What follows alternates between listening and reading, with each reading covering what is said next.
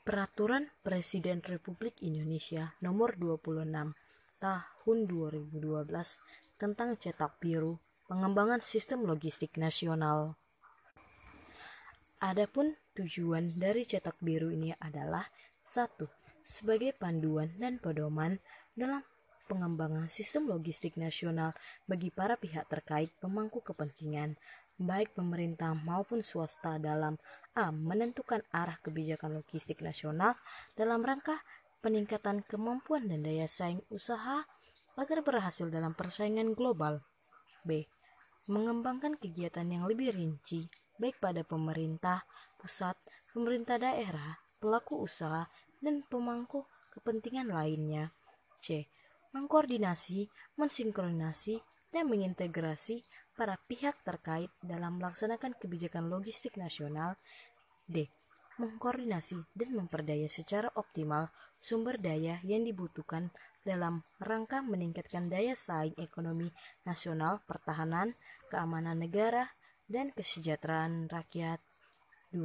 Sebagai alat untuk mengkomunikasi visi, misi, tujuan, arah, kebijakan, dan strategi serta rencana aksi pengembangan sistem logistik nasional. Dugaan korupsi sektor swasta dalam bidang logistik.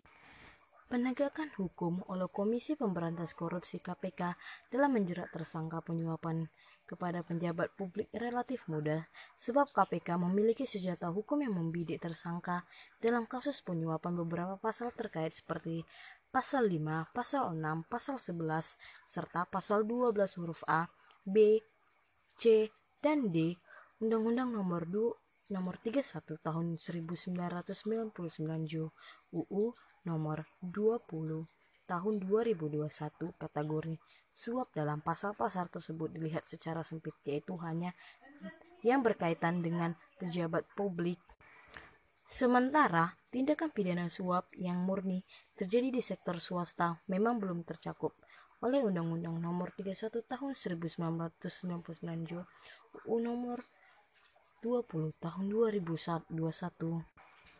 Kasus logistik pemilu DKPP jatuhkan sanksi ke KPU Banyuasin. DKPP menjatuhkan sanksi terhadap Komisi Komisi Pemilihan Umum Banyin, Sumatera Selatan atas pelanggaran kode etik pada Rabu 10 bulan 7 terkait kasus logistik pemilu. KPU Banyuasin diadukan atas hilangnya 5 kotak suara dan keterlambatan pengiriman serta kekurangan logistik. Hal ini mengakibatkan keterlambatan dan tidak terlaksanakan pemutusan suara di lima kecamatan. Sidang yang dipimpin Ketua Majelis Hakim Harjono ini menjatuhkan sanksi peringatan terhadap enam pihak atas kasus aduan tersebut. Keenam teraduan terbukti melanggar kode etik penyelenggaraan pemilu.